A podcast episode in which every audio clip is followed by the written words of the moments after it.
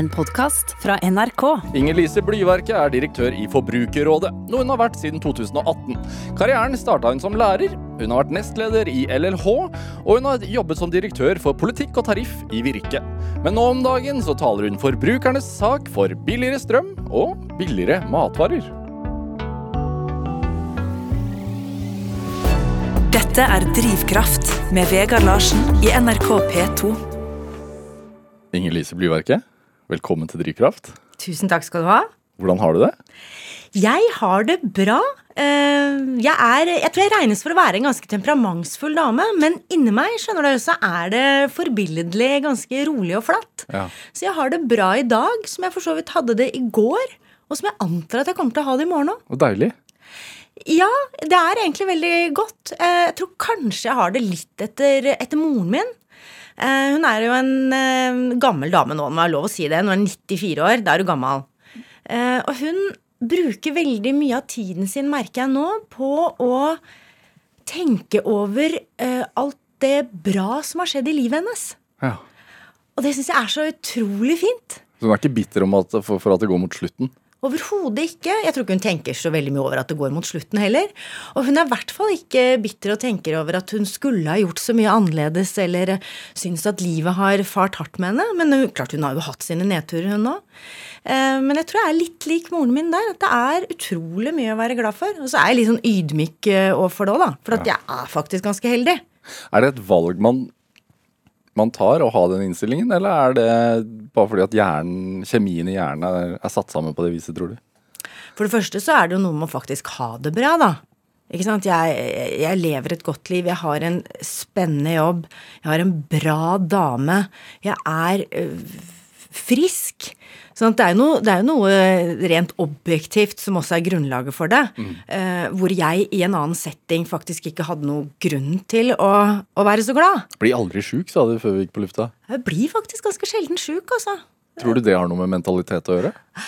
Ja, Det veit jeg ikke. Men, eh, men jeg prøver noen ganger å snakke meg frisk, ja. Ja. Sånn, Ja. Hvordan gjør du det? Nei, rett og slett at jeg bare tenker at dette her gidder jeg ikke. Eh, nei, jeg har jo så mye Jeg har så mye morsomt. Jeg, jeg syns det er så innmari mye gøy å fylle livet med. Jeg, jeg, jeg, føler, jeg føler veldig ofte da, at jeg har langt flere planer enn jeg har muligheter til å realisere. Eh, og så har jeg jo nok kanskje litt sånn utålmodighet i meg også. Kona mi pleier å si det at du, du skulle gjerne ønske at, at enhver dag rommet et helt liv.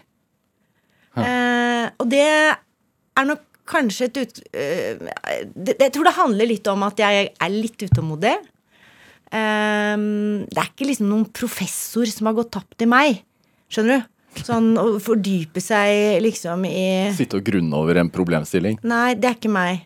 Eh, Så, så det er kanskje litt den der utålmodigheten. Lyst til å få med meg mest mulig. Lyst til å lære mest mulig, men, men kanskje på en litt lettvint måte. Ja. Men hvordan er en vanlig dag, da? Hvis, hvis den skal romme et helt, eh, et helt år eller et helt liv? En vanlig arbeidsdag eh, er, jo, er jo faktisk veldig eh, variert og mangfoldig når du har den jobben som jeg har. Fordi at når du er leder i Forbrukerrådet, så har du, eh, er du både talsperson eh, og skal være liksom frontfiguren eller ansiktet eh, utad i veldig mange sammenhenger. Så har en veldig utadrettet rolle. Eh, vitsen eh, med Forbrukerrådet er jo at vi syns på mange områder. Eh, og så er jeg jo samtidig leder for en bedrift. da, Leder for virksomheten. Vi er jo nå rundt 80 ansatte. Eh, så det i seg selv, å balansere den utadrettede mot det, mot det innadrettede, gjør jo at det er ganske stor variasjon. Så det kan jo starte med typ P4, liksom. De ringer ofte veldig sånn klokka sju og bare vil ha en kort kommentar. Om for eksempel For eksempel hvis vi har eh, sendt ut en pressemelding om en eller annen rapport vi har laget, eller eh, ja, et eller annet vi har en mening om. Og så kan den jo avsluttes her da i NRK i, i Dagsnytt 18. Og så innimellom der så kan jeg f.eks. ha hatt en samtale med en av våre nyansatte. Jeg, har, jeg speeddater alle nyansatte. Det har gått en sånn to-tre uker, så har vi en prat, sånn at eh, jeg blir kjent med dem, og de også blir litt sånn kjent med meg. Hva spør du om da? da? Jeg spør ikke om så mye, bare, vi bare begynner å prate sammen. Det mest naturlige er jo hvordan trives du hos oss? Har du blitt godt mottatt? Ja. Uh, og selvfølgelig er det, er det et eller annet som springer deg i øyet. Et eller annet som er annerledes enn det du forventet da du begynte i Forbrukerrådet. For da kan man få veldig mye interessant info som jeg kan bruke til veldig mye spennende da, for å utvikle virksomheten. egentlig. Hva er misoppfatningene folk har om Forbrukerrådet? Jeg vet ikke om folk har så mange misoppfatninger, men, øh, men jeg tror Forbrukerrådet er langt mer enn det folk ser. Eh, fordi vi gjør veldig veldig mye forskjellig for forbrukere. Mm. noen tenker på, på oss som eh, det interessepolitiske talerøret, det du snakker om. Altså, no, går på barrikadene, sier til politikere eller til næringslivet nå får dere hæren for dette døtte meg, skjerpe dere. Eller nå får dere innføre noen nye lover og regler, for nå trenger forbrukerne mer vern. Det er liksom én del av det. En annen del er jo at vi sitter og svarer på henvendelser fra forbrukere hvor du kan ringe inn til oss helt gratis hvis du har et forbrukerproblem, samme hva det er, og få hjelp. Vi svarer på en 50 000-60 000 sånne henvendelser i året, vi. Oi. Uh, og det er ingen siling inn, og det er, uh, ja, det er kanskje noe av det, det viktigste lavterskeltilbudet som fins. Og det kan være en garantisak, f.eks., eller Ja, eller jeg har kjøpt en veske som gikk i stykker, hva skal jeg si? Ja. Eh, Har jeg en sak? Det er jo det vanligste. Har jeg en god sak? Eh, Og det er jo en, en sånn samfunnsøkonomisk veldig nyttig tjeneste. Fordi at eh, forbrukere flest, vi, vi rydder opp. Vi fikser det sjøl. Og da er vår tjeneste ofte bare en liten hjelp. Par-tre gode argumenter som du kan ta med deg til eh, butikken f.eks., der du kjøpte noe. Og så står du sterkere. Du kan henvise til en, eh, en lov f.eks., som gjør at du ikke blir eh, snakket like lett lurt. Hvor godt kan du forbrukerloven? Dårligere enn jeg sikkert burde. Jeg skal ikke teste deg her, men jeg bare lurer på sånn, om du er en vanskelig kunde? Om det er, hvis, det, hvis det går noe stykker hjemme hos deg? Uh, jeg vet ikke. Både ja og nei. Jeg, jeg blir jeg, jeg vil heller si at jeg blir veldig sjarmert av god service. Ja. Ja. Eh, sånn at det er mye mer å hente. Altså, det er mye mer å hente på å sjarmere meg når jeg kommer inn i en butikk. Da kan jeg gå på liksom mersalgslimpinnen. Det tror jeg nok. Eh, men det er klart at hvis jeg virkelig føler at eh, jeg har retten på min side, så står jeg jo selvfølgelig i det. Så det er liksom en helt annen tjeneste vi leverer, og den er det veldig mange som ikke vet om. Jeg tror ikke du visste om at vi svarte på 60 000 henvendelser, f.eks. Nei, absolutt ikke. Og så gikk jeg inn på nettsiden deres eh, fordi at du skulle hit. Eh, det er litt rart at jeg ikke har vært inne på nettsiden før det, egentlig, syns jeg. Uh, og så Der så jeg at dere har masse sånne tjenester hvor man kan sjekke ut Altså se hvor billig boliglån du har. Eh, Ja, det er en annen tjeneste. skal man gå inn her, og så kan man eh, legge inn eiendomsverdi og boliglån, og så får du en oversikt over hvor du kan flytte lånet ditt billigst mulig. Og det er en av liksom mange sånne enkle digitale tjenester dere har på nettsiden. Ja, det er veldig bra du sier det. Det er enkelt for forbrukeren og ganske, ganske tung tjeneste for oss å drive. Ja, det skjønner jeg. Eh, sånn at det er jo et annet område, ja. Det er prissammenligningstjenester. For det er en tjeneste som man også kan få andre steder på internett, men som andre tar betalt for. Ja. Og, og vi, eh, vi er jo finansiert eh, over skatteseddelen, så du har for så vidt betalt for det. eh, å, å bruke den tjenesten på en indirekte måte, da. Og det er jo, det er jo helt sånn grunnleggende eh, for forbrukere. Hvis vi skal utøve vår makt da, overfor næringsdrivende, så er det at vi kan eh, sammenligne pris. Det er liksom det viktigste parameteret hvis du skal velge eller bytte. Det er at du har kunnskap om pris og kan sammenligne et produkt opp mot et annet.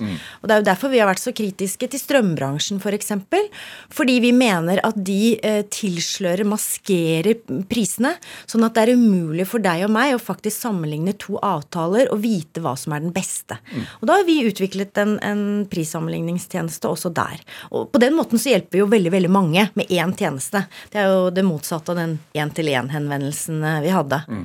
Altså, dere blir finansiert på skatteseddelen, altså på statsbudsjettet, da, hvert år. Ja. Eh, men det er politisk uavhengig. Ja, vi er en litt sånn spesiell konstruksjon. Ja. Veldig fin, egentlig. Eh, som jeg er veldig stolt av at vi har i Norge. Eh, vi blir finansiert over skattestellen. Vi er underlagt staten. Eh, vi må rapportere til Barne- og familiedepartementet. Eh, men vi har egne vedtekter, og vi har et eget styre. Og det er styret som både vedtar strategi, ansetter direktør øh, og øh, godkjenner regnskapet. Mm. Og Forbrukerrådet står helt fritt til å ta opp de sakene vi ønsker å ta opp. Og vi kan filleriste også egen statsråd. Mm -hmm. Hvilket jeg gjorde under pandemien opptil flere ganger. Ja. Hvordan er det? Det er, det er, derfor jeg sier det funker så bra. Ja. Det, er, det, det går helt fint, det. Altså, det kan jo hende at eh, statsråden blir litt stram. Eh, det lever jeg veldig godt med, for å si det sånn. Hvis du, hvis du reagerer på at noen blir litt stram, som du kritiserer, da kan du ikke være i Forbrukerrådet. Liker du debatt. Du sa, jeg sa på forhånd sånn Du trenger ikke være bekymra for denne timen, for vi er ikke Dagsnytt 18, vi skal ikke gå inn og debatt her. Så sa de sånn Uff, det er litt dumt, da. Jeg liker egentlig bedre å være i debatt. Ja, det er litt sånn toledd av det, da. Det ene er nok at jeg er debattglad, ja. Jeg er det. Hva, hva vil det si? Nei, altså, det handler jo litt grunnleggende om hvor jeg kanskje har brukt eh, kapasiteten min egentlig store deler av eh, mitt voksne liv, da. Og det er jo innenfor interessepolitikken. Jeg har jobbet for ulike interesser. Eh, og det er jo ofte i motstrid til noen andres interesser. Det er jo hele vitsen. Eh, og da må du jo opp og debattere, da for å få frem de interessene, få frem motsetningene, men selvfølgelig også hvor det er mulig å, å møtes. Sånn at det er en helt sånn grunnleggende del av å jobbe med interessepolitikk. Det er å gå i debatt. Mm. Uh, og det er en, en, flott anledning til også å, å få vist fram, i tilfelle med Forbrukerrådet, hva vi er til for. Uh, og at forbrukere føler at vi er der for dem. Mm. Og så er det at uh, det å debattere en sak kan ofte være mye tryggere enn å snakke om seg sjøl. Men du er ikke noe redd for konflikt? Nei.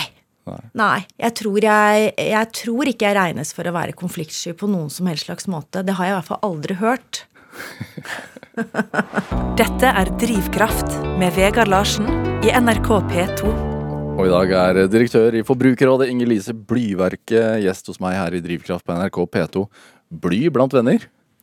Ja, jeg veit ikke helt hvordan det, det, har kommet opp, men Har noe med eh, etternavn å gjøre, tror jeg. ja, ja, det har det jo. Men eh, nei. Jeg eh, vet ikke så mye bly blant venner, kanskje, som, som egentlig bly blant kolleger. Okay. Mange medarbeidere har ofte kalt meg for bly, og jeg har noen ganger underskrevet med bly på mailer, så, som er en Ja, det, det, er når jeg ikke har mine mest strenge eller formalistisk orienterte beskjeder til folket. Mm. Men det er sånn er det, Hvem er mest kritisk til Forbrukerrådet?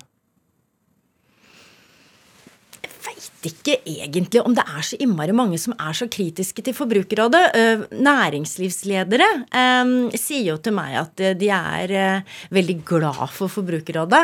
Respekterer Forbrukerrådet. Det er bare at akkurat i deres tilfelle så er det noe vi har misforstått. Er det noe vi ikke har skjønt. Men jeg pleier jo å si at Forbrukerrådet er jo det seriøse næringslivets beste venn. Hvorfor det? Fordi at eh, vi er like opptatt eh, som dem av konkurranse på like vilkår. Uh, og, og, løfte fram de seriøse aktørene, og at de skal ha uh, troverdige rammebetingelser. Mm. For det mener jo vi på lang sikt også uh, tjener forbrukerne mest og best.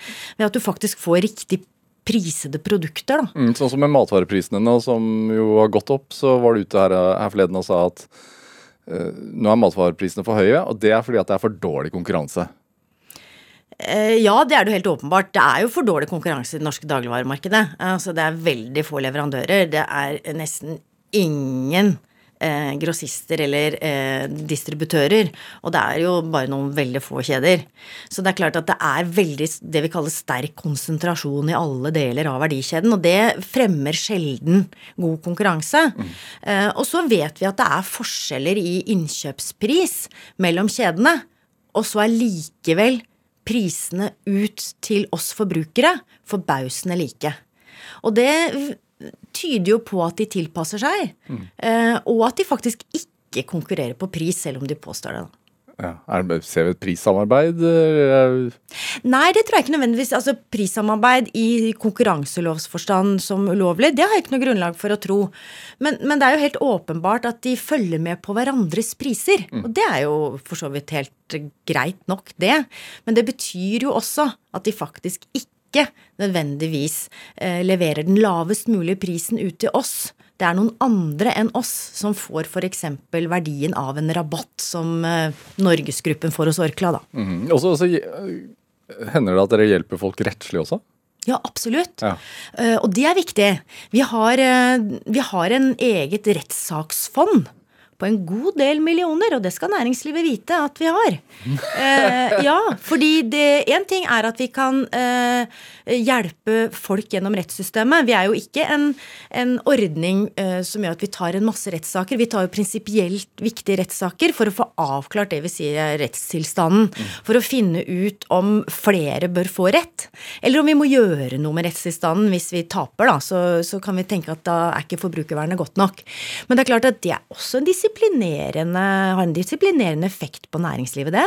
At de vet at vi har eh, finansielle eh, muskler til å kjøre saker eh, gjennom rettssystemet. Og vi har jo gjort det eh, flere ganger, og, og gjør det hele tiden. Og vi vinner stort sett de sakene vi kjører, men det er egentlig ikke det viktigste for meg. Det viktigste for meg er å få avklart hva som faktisk er rettstilstand. Og så sitter vi faktisk i 20 ulike bransjeklagenemnder Ja. eh, og representerer forbrukernes interesser. De behandler noe sånt som 20 000 saker i- året, de også. Og det er jo en, en mer lavterskelmåte å få rett når du har rett på, da. Eh, Som jo er, også er noe som Forbrukerrådet driver med. Vi gjør ganske mye forskjellig. Men hvorfor er det så Altså, Forbrukerloven er jo Er den, synes, er den tydelig? Ja, for så vidt er den det, men, men den må jo hele tiden utvikles og endres. Ikke minst fordi at forbruket vårt nå eh, går i en helt annen retning enn det egentlig forbrukerkjøpsloven og annet eh, forbrukerregelverk er tuftet på. Hva vil det si? Jo, altså, det vanlige før var jo at eh, vi kjøpte en ting som skulle vare en viss tid. Ja. Og hvis den ikke fungerte, så kunne vi gå og få den reparert, eller vi kunne få byttet den inn hvis det var innenfor en garantiperiode. En vaskemaskin, for eksempel. Ja, Men nå, eh, for det første så er det veldig mange av de tingene vi kjøper, eh, som er knyttet til tjenester. Og at det kan være oppgraderinger av programvare mm. som tilsier om produktet funker eller ikke. Eh, Men like mye at vi ikke kjøper. Vi gjør mye annet. Vi leier, abonnerer, leaser, for eksempel. Og da er ikke nødvendigvis eh, regelverket vårt eh, like ivaretagende og like på vår side. Eh, Og hvis vi ønsker, da, som samfunn, å bli mer sirkulære, eller mer bærekraftige, om du vil, mm. og man skal få med seg forbrukerne på et sånt grønt skifte, så er vi jo helt avhengig av at forbrukervernet ikke blir dårligere. Hvis det at jeg tar et bærekraftig valg, gjør at jeg kan tape mer penger, så vil jo forbrukerne si at ja, men det er det jo ikke verdt. Nødvendigvis. Så det er en ganske stor og viktig oppgave som vi prøver å få norske politikere til å forstå. At de må nok ta en skikkelig og grundig gjennomgang av hele forbrukerregelverket for å se om det faktisk er tilpasset de grønne ambisjonene de jo kappes om å ha. Er det Hvor viktig er eh, Forbrukerrådet for et velfungerende demokrati? Det er i hvert fall veldig viktig for eh, egentlig en vel, velfungerende kapitalistisk modell, som er den vi tross alt har. Ja. Ikke sant? For sier, vi, vi, vi er jo på mange måter inne i, en allianse med næringslivet, og at det er, det er utrolig viktig at det er eh, tillit mellom næringslivet og oss forbrukere for at dette skal fungere. Eh, Så sånn sett så er jo det at Forbrukerrådet er et instrument for å sørge for å utjevne noe av den maktubalansen da, som helt åpenbart er mellom sterke næringslivsaktører og enkeltforbrukere, det tenker jeg alle tjener på. Eh, Og så eh, er det klart at det er også et demokratiserende element, fordi vi er jo alle forbrukere. Og vi er jo forbrukere 24-7 omtrent. Altså, det, det berører så store deler av vårt liv Mm. at det er um, viktig at, uh, å slippe alle til og sørge for at um, man nettopp får rett når man har rett, uavhengig av en god del andre uh, rammebetingelser rundt den. Og så tror jeg kanskje at Jeg vet ikke, men jeg, jeg tror kanskje at vi kan se en utvikling mot uh, mer ulikhet fremover. Og Forbrukerrådet har jo et eget samfunnsoppdrag, sånn som vi definerer det, til å overvåke markeder og ser hvor forbrukere kan ende opp med å bli mest sårbare. Så vi må jo på en måte passe på eh, akkurat det. Eh, Hvor er det vi som forbrukere blir mest sårbare, og hvilke grupper eh, blir mest utsatt når f.eks. regelverket ikke er i, i takt med virkeligheten? Mm. Hva, hva ser du der, da? Nei, vi, vi vet jo at uh, f.eks. barn og ungdom trenger ekstra beskyttelse. Eh, og det handler noe om at man er mer eh, intuitiv, og, og man er lettere påvirkbar. Dermed så må det egen beskyttelse rundt barn. Også på digitale flater. Vi har jo sagt sammen med Barneombudet at det er ikke godt nok ivaretatt i dag. Eh, Det regelverket er fins i veldig mange ulike lover, og det er veldig mange ulike tilsyn som egentlig skal sørge for at barn blir ivaretatt. Eh, Det er liksom ett eksempel. Energidrikker for barn er du imot? Eh, ja, du kan si det sånn at energidrikk er ikke ment for barn. Så det er aldri vært meningen at dette er en drikk som barn skal innta. Til det er koffeininnholdet for høyt. Det står også med ekstremt liten skrift på boksene, det. Ja. Eh, Men det er klart det er utrolig god butikk. Så det er en sånn type Det er en sånn sårbarhet som, som vi mm, mener nettopp blir utløst, da.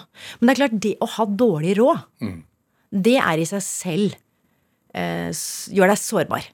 Da er det mye lettere å bli utnytta, og du kan komme i større ufører enn andre.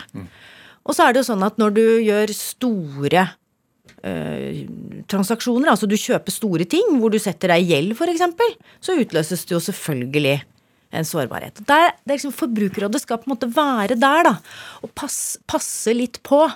eh, og, og sørge for at politikere blir gjort oppmerksomme på at her er det f.eks. et hull i lovverket. Eh, eller vi skal eh, Eller vi skal gjøre sånne ting som vi også gjør. Eh, nemlig å prøve å påvirke eh, bedrifter og næringslivsaktører til å endre praksis hvis vi mener at det de gjør ikke er forbrukervennlig. Og hvis de ikke eh, endrer praksis, så har jo vi muligheten, med vår troverdighet, eh, vår tilgang til media, til å vise det fram. Ja, Og det gjør vi også noen ganger. Som for eksempel. Ja, det er ganske Vi hadde jo ikke, Stay Classy kan jeg godt nevne som et eksempel. De eh, var så heldige å bli viet et eh, helt program eh, på TV 2. Eh, annet på bakgrunn av at vi fikk et ras av henvendelser. Eh, Det er jo sånn elsparkesykkelfirma som helt åpenbart eh, selger dårlige produkter og, ikke sørger for at forbrukerne får det de har krav for. Ja. Da har vi muligheten til å vise det fram. De, de fra Stay Classy er jo ikke her, da, så de får ikke forsvare seg selv. Men, er men det har de fått anledning til mange ganger, så det tar jeg helt med ro. Er det, blir, du, blir du følelsesmessig involvert? Altså sånn enga, eller engasjert? Ja, altså, jeg tror ikke jeg blir så følelsesmessig involvert. Jeg tror jeg er ganske sånn eh, Jeg er ganske bevisst på at jeg ivaretar noen, noens interesser, og jeg har jo jobbet på næringslivssida selv. Ja, Jeg i jobbet jo, ja, jeg jobbet jo tolv år i Virke, eh, og syns det var veldig meningsfullt å lære private bedrifter å kjenne, forstå hvordan eh, bedriftsledere tenker, og, og prøve å ivareta deres interesser. Eh, Jeg tror jo på det. Jeg tror på kollektivet. Jeg tror jo på nettopp det å organisere eh, interesser og, og jobbe interessepolitisk. Og da må man jo ha noen, noens interesser å jobbe mot. Så jeg tror ikke jeg blir sånn følelsesmessig eh, veldig berørt, men jeg blir superengasjert. Og for meg er det to litt forskjellige ting. Eh, jeg er veldig lett å engasjere. Eh, jeg blir veldig Jeg blir jo veldig, veldig glad av eh, å omgi meg med flinke folk. Ja, det er jo en utrolig sånn, glede. Altså, når, når du spurte har du det bra, jeg sa klart jeg har det bra. Jeg jobber sammen, nå som jeg er i Forbrukerrådet, så jobber jeg sammen med 80 veldig dedikerte folk. Det har jeg sjekket, for jeg snakket med alle ansatte da jeg begynte. Og helt gjennomgående, uansett hva de jobbet med, var at de identifiserte seg veldig sterkt med Forbrukerrådets samfunnsoppdrag og var stolte over å få lov å bidra, uansett hva deres bidrag var. Eh, og så jobber jeg jo også med en god del folk som er helt i front, rett og slett, på, på flere av de fagområdene vi jobber med. Eh, Jeg har ekstremt dyktige folk som kan veldig mye om eh, det digitale. Og at jeg får lov til å liksom få på en litt sånn lettvint og tilrettelagt måte, egentlig. Eh, tilgang til den kunnskapen. Eh, få lov til å gjøre meg kjent med den, få lov til å diskutere med dem. Og så til og med få lov å liksom løpe sjarmøretappen mange ganger. Sant? Gå ut i media eh, og få lov å fronte det eh, som dyktige kolleger bak meg har jobbet med kanskje over lang, lang tid. Jeg, jeg kan jo ikke skjønne annet enn at det må, måtte, alle må nesten misunne meg den jobben. Det tenker jeg, da. Hva, altså, du, men du er utdanna lærer? Ja. Eller adjunkt, eh, som du het. eh. Het før i tida, ja. ja, ja. Eh. Jeg har norsk og Eller nordisk, fransk og sosiologi i fagkretsen min. Ja, og har jobba som lærer. Ja, ja, ja. ja. Hvorfor er det en god skole å gå for å bli sjef i Forbrukerrådet? Eh, det, det er en eh, Nei, det er en god skole å gå for, for å være leder. Ja. Eh, fordi at når du jobber i klasserommet, så er du jo en leder i klasserommet. Og du har ofte et mye større lederspenn enn det som er vanlig i norsk arbeidsliv. Hva vil det si? Ja, altså Du har jo stort sett 30 elever i klassen. Det er ikke veldig veldig mange norske ledere som har et lederspenn i sin Altså hvor de har direkte personalansvar for 30. Mange syns at liksom når vi kommer over 12-15, da, da er det litt krevende å være leder og klare å utvikle og spare med hver enkelt og sånn. Ja. Så det, det Da må vi bryte opp og lage mindre enheter og sånn. Men norske lærere, de håndterer et ganske så stort eh, lederspenn. Eh, og de eh, må også håndtere det at folk har veldig ulike forutsetninger, lar seg motivere av ulike ting. Eh, kommer inn i klasserommet med, med en ulik eh, start på dagen, f.eks., og ulik bagasje. eh, Og skal prøve å få disse folka til å fungere sammen. Det er ikke så veldig annerledes enn det å være leder. Nei? Det er, så det er likheter altså mellom, en, mellom en ungdomsskole og en stor bedrift. Ja, definitivt. Og jeg syns det er innmari rart ja, at ikke eh, norsk næringsliv systematisk benytter seg av lærere til eh, å utvikle lederutviklingsprogram. Oi, hvorfor det? Det er nettopp fordi jeg Fordi mener det at de er så øh, kompetente på det å være ledere at jeg er helt overbevist om at der hadde man hatt veldig, veldig mye å hente. Og det å, å er ta? Ja. ta på folk, f.eks. Det har vært litt vanskelig nå under pandemien. Da. Men, men, men jo, jo, men når jeg jobba, jeg jobba på ungdomsskolen, det er helt riktig. Og, og det å rett og slett gå og ta på folk, altså ta på noen av de som var mest urolige, eh, av ulike årsaker, har jo i seg selv en beroligende effekt. Man skal være veldig forsiktig med å ta på folk hvis du må på en måte føle deg fram, og folk syns det er greit å bli tatt på. Ja, nå, først var det metoo, da, og så var det pandemi. Så det å Ja, ja, men samtidig, jeg har allikevel Om du tar på i overført eller direkte betydning, da. Ja. Eh, men i hvert fall eh, evner å vise omsorg. Eh, så er det utrolig hva folk er interessert i å bidra med. ja. Det er liksom min erfaring, da. Se. Se menneskene. Ja, du må jo se folk, selvfølgelig, også, men du må ikke bare se folk, for det er litt sånn Det er litt sånn floskel for meg. Ja, det syns jeg også i skolen. Man se hver enkelt elev, ja, selvfølgelig. Men du må gjøre noe mer enn å se. Eh, for du må jo eh, uttrykke forventninger. Du må uttrykke positive forventninger til hva folk kan bidra med. Om, om, om det er en 13-åring eller en 63-åring, det er ikke så veldig stor eh, forskjell. Eh, For du leverer ofte i henhold til de forventningene du blir møtt med. Og de ambisjonene som eh, du, du ser at organisasjonen din har. Det, det er helt naturlig for de aller fleste av oss å strekke oss når vi blir møtt med, med klare forventninger. Så lenge det blir uttrykt med respekt. Eh, blir vel ikke du Floskler er du ikke noe glad i? Det er det vel ingen som er? Nei, du, er det det? Og du sa før vi gikk i studio her, så sa du sånn, det er egentlig veldig ambivalent å være med på dette programmet. Fordi det med å snakke om drivkraft og Nei, Det var du ikke helt uh, Du var ikke helt komfortabel med det. Nei, altså det- Og det er litt, det er litt med den derre, som jeg sier, den derre øh, øh, jeg, jeg vil gjerne gjøre en forskjell. Altså, når folk sier sånt, Ja. Så får, blir jeg litt Jeg får litt sånn eksem. Men vil du ikke gjøre en forskjell? da? Høres jo sånn ut på det du har fortalt meg til meg til nå. Ja, men da er det kanskje mer show don't tell, da. Ja. Da, da er det mer det å få muligheten til å, å, å, å gjøre det. Men ikke nødvendigvis at jeg skal gjøre en forskjell. Det, det, er, det er jo mye morsommere å gjøre noe sammen med folk. Um, jeg er veldig dårlig på å jobbe aleine. Uh, jeg er veldig dårlig på å tenke aleine òg.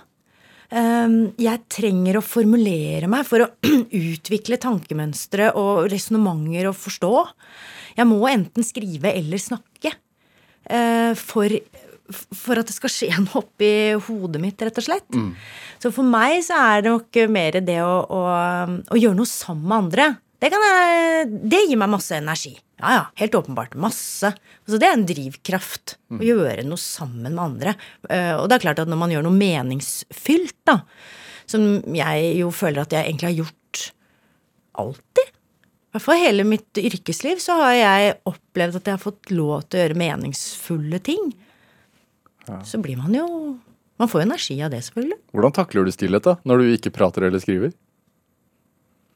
Uh, jeg har ikke noe problemer med å være stille i mitt eget selskap, på en måte. Det, men, uh, men, jeg er nok, nok en som prater mye.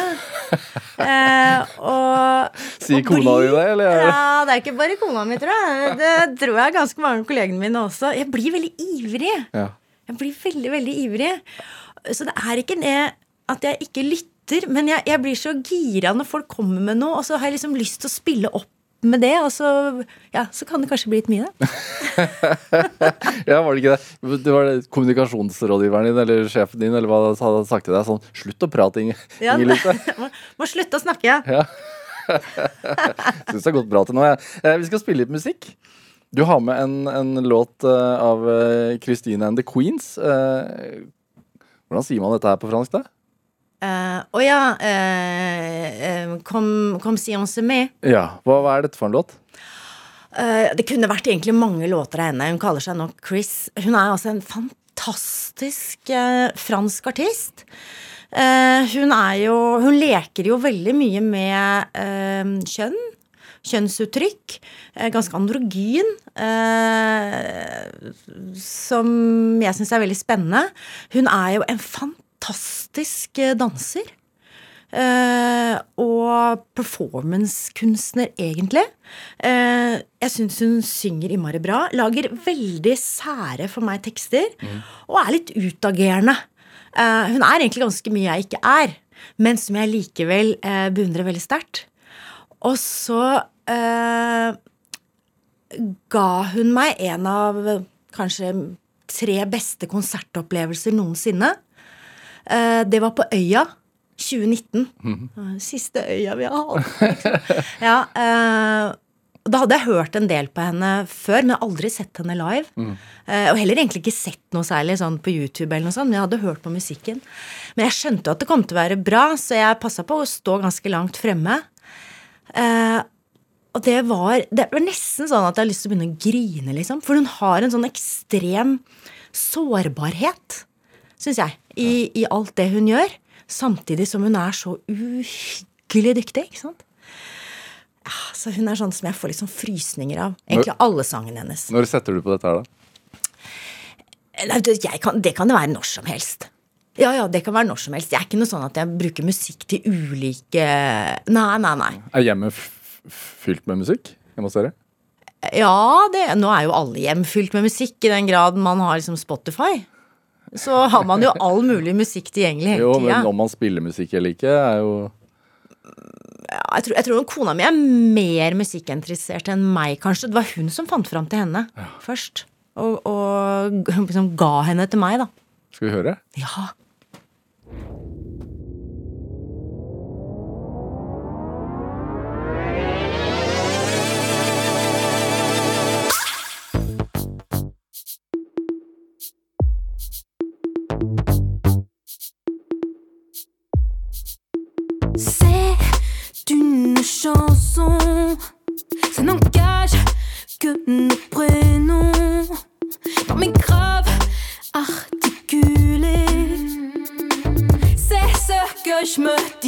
je termine ce couplet.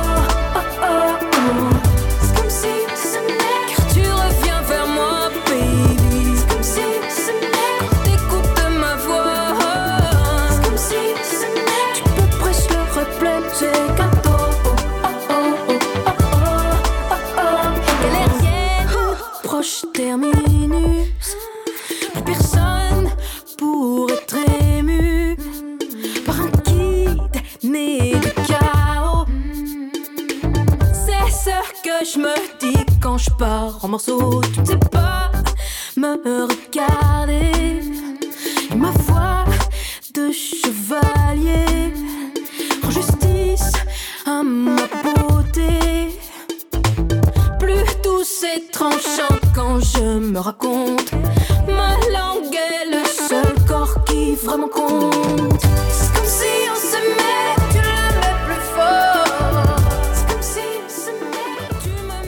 Ja, du fikk en smakebit av eh, Christine and the Queens med låta Kom si onseme her i Drivkraft på NRK P2. En låt valgt av dagens gjest her i Drivkraft, nemlig direktør i Forbrukerrådet, Inger Lise Blyverket. Er du glad i å danse? Ja! Kjempeglad i å danse. Eh, I aller høyeste grad. Så det er jo noe man kanskje ikke har gjort eh, like mye i det siste. Men ja, jeg er veldig glad i å danse. Jeg har jo jeg, har en sånn hemmelig drøm. ja. Vet du hva det er? Nei? Nei, det er at eh, Skal vi danse på TV2 liksom uh, lager et sånn egen konsept for uh, ledere i staten?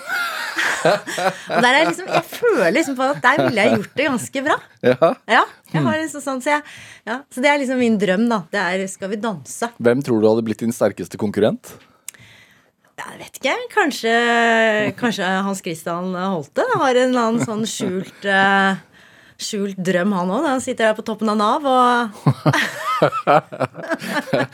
Det er, veldig godt. Trygve Slagsvold Vedum, kanskje? Jeg vet ikke. Han skulle jeg han, Han skulle skulle, han skulle skulle jeg klart utkonkurrere. Det er jeg helt trygg på.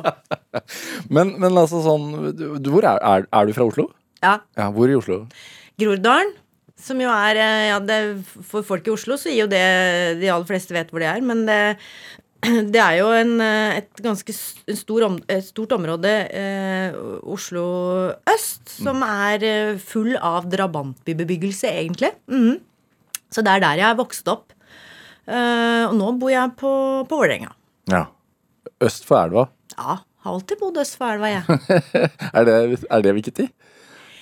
Jeg veit ikke. Det har nå i hvert fall alltid blitt sånn. Jeg har ikke noe, har ikke noe trang til å flytte på den andre sida. Nei. Nei, Hva er, hva er det det. beste med østkanten i Oslo, da? Nei, Det er vel rett og slett bare at det er mye folk der som jeg føler meg hjemme blant, kanskje. Jeg vet ikke. Jeg, jeg, jeg tror det. Eh, men jeg har ikke, jeg har ikke sånn prinsippvedtak, liksom, Nei. på aldri å flytte til Majorstua. Det har jeg ikke. Hva skal til for at du føler deg hjemme blant et folk, da? det er i hvert fall at penger ikke er så viktig. At fasade på en måte ikke er så viktig. Det er fantastisk på, på, på Vålerenga. Vi har jo Jeg kjenner at pandemien egentlig har gjort meg enda mer sånn lokalpatriot, fordi uh, vi har vært mer hjemme. Uh, vært mye i lokalmiljøet. Gått mye tur der. Eh, jeg har jo fått et øh, intenst forhold til Reko. Vet du hva det er? Ja, sånn eh, øko... eh, Eller selvdyrking, er det ikke det? Eller nei, Nei. rekoring? Nei, hva heter Ja, det? rekoring, ja, men Ja. du trenger ikke å dyrke noe. Du kan, du kan få det kjøpt. Men det er eh, småskalaprodusenter, ja. Ja. Som, som kommer og Du forhåndsbestiller, og så får du det utlevert. Og, og på Vålerenga så starta de med det eh, i pandemien og ble veldig fort eh, Norges største Nei, Oslos største rekoring. Og ja, det, det er liksom Jeg vet ikke. Det er et eh, et stort engasjement der eh, for eh, for Enga, altså for eh, fotballaget. Det er et stort engasjement for Hylla. Vet ikke om du har hørt om det, men det er jo en, en bitte liten del av byen vår som egentlig består av veldig bevaringsverdige gamle hus, og som noen ønsker, Bane Nor f.eks., ønsker å fjerne for å, å, å bygge jernbaneskinnet. Um, så jeg kjenner at jeg er blitt kanskje enda litt mer uh, lokalpatriot enn jeg tenkte at jeg var. Ja, For jeg har jo venner over hele byen. og Vålerenga er også et sted hvor, man, hvor folk går i, ko, eh, går i tog og henger opp bannere for at man ikke skal rive noen falleferdige gamle kiosker som eh, som- Sotahjørnet, ja. Sotahjørnet, som har stått der en evighet. Ja. Det sier noe om patriotismen, kanskje. Mm. Men, altså, men Groruddalen, hvordan var oppveksten der, da? Den var trygg og god. Side om side med A- og B-gjengen. For jeg bodde jo på Haugerud. Jeg bodde rett ved liksom eh, noen av de virkelig største kriminelle miljøene på den tida. Merket ikke noe særlig til det. Nei da. Jeg, jeg gikk eh, til Fru Hagen og spilte piano en gang i uken og, og trente langrenn i Østmarka. Eh, har eh, Var nok en ganske ordentlig pikebarn, tror jeg. Eh, er jo veldig opplært til å gjøre mitt beste. Hvordan blir man opplært til det? Jeg tror bare det er noen, noen helt uttalt forventninger. Mine foreldre har aldri uttrykt noen karrieremessige ambisjoner på mine vegne whatsoever. Men de har uttrykt ganske klare forventninger om at uh, å være en stayer, tror jeg. Altså hvis du begynner på noe, så fullfører du det. Uh, hvis du er utstyrt med uh, gode evner, så prøver du å utnytte dem. Eh, så det tror jeg nok er en sånn Det, det stikker noe ganske dypt i meg. eh, og, og er en, en driver for meg. Eh, at hvis jeg mener at jeg kan gjøre dette bedre, så prøver jeg å gjøre det litt bedre. Det kan være ganske slitsomt, det, da. For så vidt. Mm. Er du kritisk til deg selv? Eller, Ja. eller hard mot deg selv? Både ja og nei. Altså, ja, jeg tror nok jeg noen ganger er litt for hard mot meg selv, men det tror jeg veldig mange av oss er. Eh, Og det, det henger nok sammen med Jeg prøvde å finne ut hva er det for at på andre områder så kan jeg være ganske snill mot meg selv og la mye slippe igjennom. Eh, Men, men jeg tror at hvis, hvis man blir god på noe, da, så øh, blir det på en måte en del av deg, og da tenker du ikke egentlig over at du er god på det engang. Så da tar du det som en selvfølge, og da kan det noen ganger være at du ikke anerkjenner sterkt nok det faktisk også er bra, da. Eh, sånn at når man da stadig skal bli bedre, så kan jo det i praksis kanskje være å være litt hard mot seg sjøl. Men jeg er jo samtidig også veldig glad i å, å gjøre ting litt halvveis. Altså sånn, I hvert fall fritida mi består jo av en masse halvveisting. Ikke sant? Jeg blir jo aldri god i noe. Nei, nei, nei. altså Du vil aldri tenke Du vil aldri finne meg sånn at Altså, jeg, jeg går på langrenn om vinteren, men jeg vil jo ikke finne på å gå på øh, rulleski om sommeren for å bli Det er helt meningsløst. Da gjør jeg jo ting man gjør om sommeren, som å klatre som jeg jo heller ikke blir god på. Som å sykle, som jeg jo heller ikke blir god på. Eh, ikke sant? Så sånn monomani, monomani eller sånn fokus, et sterkt fokus, det har du ikke. Nei, ikke i det hele tatt. Og det er litt den utålmodigheten min igjen, tror jeg. Men jeg liker å lære nye ting. sånn at i, nå i år så har jeg bestemt meg for at jeg da skal ø, begynne å, å lære meg å skøyte på ski. Det er faktisk ganske vanskelig. ja. Det er mye vanskeligere enn jeg trodde. Ja. Og, da er, og da er det klart at da, når jeg bestemmer meg for det, så øhm, går jeg kanskje et kurs. Og så legger jeg inn en del treningsøkter, sånn at jeg på en måte kommer over en terskel. Eh, men så har jeg ikke tenkt å liksom bli veldig god i det. For jeg liker jo å gå klassisk også, og jeg liker jo å stå på slalåm. Så jeg må jo på en måte balansere alle de tingene jeg har lyst til. Er det øh, Moren og faren din da du kom til verden, hva holdt de på med da? Eh, tenker du sånn jobbmessig? Ja. Eh, moren min var nok eh, ja, Hun var hjemmeværende helt til jeg var ni. Da, og så jobbet hun i barnehage til hun gikk av med pensjon. Eh, og faren min han hadde en sånn jobb som det alltid var så vanskelig å forklare. eh, men han var da forretningsmann. Han videreformidlet store stålkonstruksjoner mellom franske selskap og plattformer i Nordsjøen. Mhm. Du, du nevnte jo alderen til moren din. De var ganske voksne da de fikk det? Ja, det kan man godt si. 40 og 42 år, ja. Ja, og det Nå får jo folk barn seint, men på den tiden så gjorde man jo ikke det i så stor grad. Nei, eh, jeg tror eh, Altså, de var relativt oppe i årene da de fikk søsteren min også, som er ni år eh, eldre enn meg. Men grunnen til at de var så gamle, var jo at jeg for så vidt aldri kom. Men så kom jeg allikevel. Altså, så, så det var jo mer så, sånn det var. Eh, men det er klart at eh, de eh, eh, Sammenlignet med alle mine venner, så har foreldrene mine vært gamle. Mm. men de har vært eh, veldig spreke, da, og er det jo fremdeles. Jeg pleier å si at de har helt sikkert holdt seg ung av meg. Men er det de, de, Så de er jo en, en, en en annen generasjon. Ja, veldig. Ja. Jeg er født på 20-tallet, ikke sant. Tenk, liksom, tenk hva de har eh, opplevd, og hvilken eh, velstandsøkning, f.eks., som eh, de har vært en del av. Um, moren min kommer fra Lofoten, et lite småbruk der oppe, hvor man drev med blandingen av jordbruk og fiske. Eh, for å ha nok å, å leve av. Og, og, faren min er jo sønn av en tømrer og kom fra Grünerløkka. Eh, og det er klart at de har jo Det er ikke noe rart at jeg har lært nøkternhet og nøysomhet og ta vare på det du har eh, hjemme. Eh, for det, det, var på en måte bare sånn det var. Mm. Eh, men, eh, men de Ja. Men de har all, alltid gitt meg på mange måter alle de mulighetene. Og så tror jeg nok kanskje Jeg tror kanskje det er veldig ofte at vi barn Vi tilpasser oss jo den, den familiekonstellasjonen, da.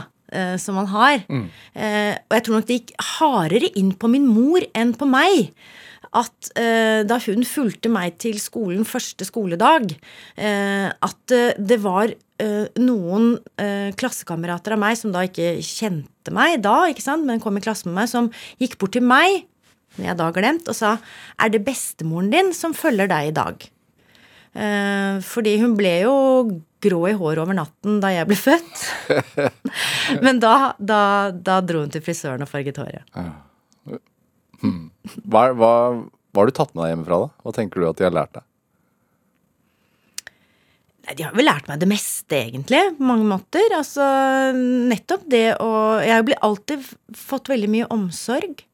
Det har alltid vært veldig, som jeg sier, det har alltid vært veldig trygt. Vi har ikke nødvendigvis Jeg husker at vi hadde ikke sånn supermye penger og sånn, men, men, eh, men jeg manglet vel heller ingenting. Vi har alltid vært veldig mye ute. Det er ikke noe så veldig rart at jeg er glad i friluftsliv, for det, vi var veldig mye ute. Men de har også alltid eksponert meg for øh, kultur. Mm. Jeg husker jo veldig godt øh, at jeg var med mamma og, og så um, Nøtteknekkeren da jeg var ganske liten, i den gamle operaen. Husker du det? Folketeaterpassasjen. Jeg husker jeg var veldig, veldig, jeg har veldig sånne sterke minner fra, fra det også. Så jeg, jeg opplever kanskje at jeg har, jeg har, hatt en veldig sånn trygg og god oppvekst. Og, en, og, og, de har også lært meg til å stå opp for ting. Og det kjenner jeg jo på. Jeg, nettopp det der med at jeg er ganske uredd. Eh, jeg har ikke noe autoritetsangst. Eh, jeg kan bli ganske provosert av arroganse. Jeg blir jo utsatt for mye av det fra næringslivet. Det er jo den måten de prøver å få has på oss, ikke sant. Det er jo liksom å påstå at vi ikke vet hva vi snakker om. Og det tror jeg nok at jeg er ganske godt vaksinert for hjemmefra. Mm. Det å å stå opp for ting du tror på, og, og, tørre å være litt annerledes. Tørre å skille deg litt ut hvis det, det er i tråd med den du er. Det at de er, er en annen generasjon, hvordan, hvordan, var det fordi at uh, datteren deres ble nestleder i LLH, da, eller det som i dag heter FRI? Mm -hmm. Jeg tror ikke de var sånn Jeg husker jeg ringte Jeg ble, jeg ble valgt litt overraskende første gang, da. Ved, ved sånn benkeforslag. Jeg var i Bergen, og så tenkte jeg dette kan jo komme i media. Så da husker jeg at jeg ringte hjem og sa hallo, bare så dere vet det. Vet ikke om de syntes det var sånn greit i første omgang at jeg skulle være offentlig lesbisk. Eh, men det, det, var jo noen år før det som hvor jeg må det som alle fremdeles må, da. Mm. Fortelle det hjemme. Komme ut. Uh, og mm, ja, det, det, var ganske krevende. Det tror jeg de vil være veldig enig med meg i. De, de syns ikke noe om det. De, det var litt tårer, og det var mye frustrasjon, og det var kanskje litt litt skam òg, og kanskje litt skyld. Og jeg tror veldig mange foreldre, i hvert fall før, dette er jo 30 år siden, mm. det begynner å bli noen år siden, og de var jo da over 60. Uh, som eh, mikser en del følelser. Altså sin egen sånn Det var ikke dette jeg trodde for datteren min, med eh, hva vil hun møte? Er det ikke vanskelig å være annerledes og leve et annerledes liv? Og så blir det der miksa sammen i en litt sånn misforstått uh, omsorg som egentlig oppleves som det motsatte. Mm. Og det, det, måtte jeg til slutt si veldig tydelig til mine foreldre. At uh, det er ikke samfunnet som skaper problemer for meg ved å leve lesbisk. Det er det at dere ikke anerkjenner at jeg lever lesbisk, som er problemet. Mm. Og det ble en sånn game changer eh, hjemme hos oss. Uh, og de ble jo ja, de, er jo blitt mine fremste støttespillere. De heier, har alltid heiet på homosaka. Og faren min holdt en fantastisk tale da, da jeg giftet meg. Så men, jeg, men det krevde nok at jeg var eh, ganske avklart øh, før jeg fortalte om det hjemme. Jeg ventet et par år. Jeg ville være ganske trygg på å tåle hva slags reaksjon som enn måtte komme. Uh, og så krevde det at jeg egentlig møtte dem med det de hadde lært meg. Nettopp å stå opp for det jeg trodde på, og den jeg var. Så de fikk det egentlig bare rett i fleisen. Er det, er det en veldig Altså, er det en viktig del av, av en endring? Altså at øh, Sånn som det måten du svarte foreldrene dine på, at det er ikke så viktig hvordan samfunnet tar det, men det viktigste er hvordan dere tar det? Jeg tror i hvert fall det er veldig, veldig viktig for for eh, barn og ungdom som opplever at de er annerledes enn enn majoriteten. Eh, eh, og annerledes i den forstand at det også er noe som er skjult, hvis ikke du forteller det, som det jo eh, er i, den, i denne sammenheng, da. Så tenker jeg at du Alle ønsker jo anerkjennelse fra sine nærmeste. Eh, og det, det gjelder jo den dag i dag. Ikke sant? Hvis jeg går ut av dette studioet her, og så ringer jeg til moren min etterpå, og så sier hun at hun ikke likte det hun hørte, så vil jeg kjenne på det. Altså, sånn, sånn er det. Eh, og det, hvis jeg skal være litt eh, litt sånn alvorlig, så vet jeg at det er fremdeles veldig mange unge som er usikre på hvordan foreldrene kommer til å møte en sånn nyhet. Veldig mange foreldre i dag eh, møter nok ungene sine på en god måte, men det er ikke gitt at unga dine veit at du kommer til å gjøre det. Eh, så det, det tenker jeg kanskje er noe foreldre bør tenke på. Eh, fordi den anerkjennelsen hvis, hvis du får anerkjennelse fra dine foreldre, så tror jeg nesten du kan tåle hva som helst. Hvorfor var det viktig for deg da, å, å bidra i, i homokamp, som, også siden du tok det nestledervervet og Ja, jeg har jo jobbet med homopolitikk i mange ulike sammenhenger, egentlig. Ikke bare som nestleder i, i LLH Nå Fri, men jeg har også eh, startet og drevet et, eh, et eh, nettverk for homoer i arbeidslivet, f.eks. Eh, jeg pleier å kalle det for å, å gjøre borgerplikten sin, og den kan man jo gjøre på mange måter. Men for meg så handler det om å gi tilbake. Fordi eh, eh, jeg syns jo selv at jeg har kunnet leve et veldig godt liv også som skeiv. Og det er jo fordi noen andre har kjempet ufattelig mange eh, mye hardere og mye tøffere kamper før meg. Eh, men fremdeles er det mye ugjort. Eh, og når jeg da, eh, fordi de har gjort det enklere for meg, så har jeg mer overskudd. Da må jeg kunne bruke den til noe. Og den har jeg tenkt at da er det naturlig at jeg eh, bruker den der. Eh, og gir flere muligheten til å leve gode liv. Og så er det det andre er jo at jeg Og det er en forståelse man har om, om hvordan eh, samfunnet er, utvikler seg. Og jeg tror ikke på at noen kamper er kjempet en gang for alle. Eh, sånn at det er jo kanskje noe av det farligste vi gjør, hvis vi tror at ikke vi kan få en rekyl. Eh, og eh, homoseksuelle vil alltid eh, ved store samfunnsendringer stå, være i faresonen. Det ser vi jo bare se Europa, eh, hvor det skjer veldig mye i veldig mange land som peker i feil retning. Så du, du må på en måte Ja, du må på en måte bidra. Det er liksom tankegangen min. Du må bidra. Ja, må ikke ta noe for gitt heller. Nei, og så tror jeg jo på å organisere interesser i et kollektiv, da. Ja. Så, ja, jeg har jobba med det, men det har også vært uh, fritida mi. Hva er du mest stolt av? Stolt av. Hva tenker du? Nei, sånn som du har bidratt til. Nei, det er et spørsmål jeg ikke vil kunne klare å svare på. Nei, jeg, jeg, jeg tror ikke jeg Jeg tror kanskje ikke jeg er skrudd sammen akkurat sånn. At jeg, at jeg er stolt av. Uh, jeg er mer typ, takknemlig. Det var, eh, det var en som spurte meg for ikke så lenge siden, uh, i og med at Kim Friele uh, jo døde for ikke så veldig lenge siden, og så, som spurte meg hva har Kim Friele betydd for deg? Alt. Og det, det bare kom ut, og det er liksom helt sånn grunnleggende. Eh, den eh, respekten jeg har for f.eks. hva andre har ofra, da. Og i mitt tilfelle fordi at det å være homo er såpass viktig for meg, rett og slett, så, det, eh, så er jo hun en heltinne, da. Eh, Fordi hun har ofra så utrolig mye mer enn meg Så jeg er mer glad og ydmyk over hva andre har gjort, kanskje, enn jeg klarer å komme på at jeg er stolt over hva jeg har gjort sjøl. Inger-Lise Blyverken, nå har vi kommet til det spørsmålet du på forhånd grudde deg mest til. Du har jo vært innom det hele veien, da, men, men hva tenker du er drivkraften din, da? Hva tenker du når du har hørt på meg en hel Nei, time? nei, nei, ja, hva som er din drivkraft? Ja? Nei, jeg tror det er å bidra positivt til eh, forandring for, eh, for de som trenger det. Du, er, du er, taler jo forbrukerens sak, og du uh, taler de homofiles sak.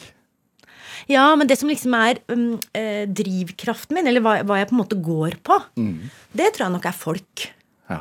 Altså, eh, det er eh, ikke nødvendigvis det at jeg skal bidra til at folk får det bedre, for det er det helt åpenbart i noen sammenhenger. Men det er like mye mm, eh, Den energien jeg bruker, den får jeg fra folk rundt meg. Inger-Lise Blyverket, tusen takk for at du kom til Drivkraft. Tusen takk. Hør flere samtaler i Drivkraft på nrk.no eller i appen NRK Radio. Produsent i dag var Ellen Foss Sørensen. Tobias Brynildsbakken Huse bidro med research, og Anne Sofie Stang bidro også til denne sendingen. Dette var Drivkraft. Jeg heter Vegard Larsen. Du har hørt en podkast fra NRK. Hør flere podkaster og din NRK-kanal i appen NRK Radio.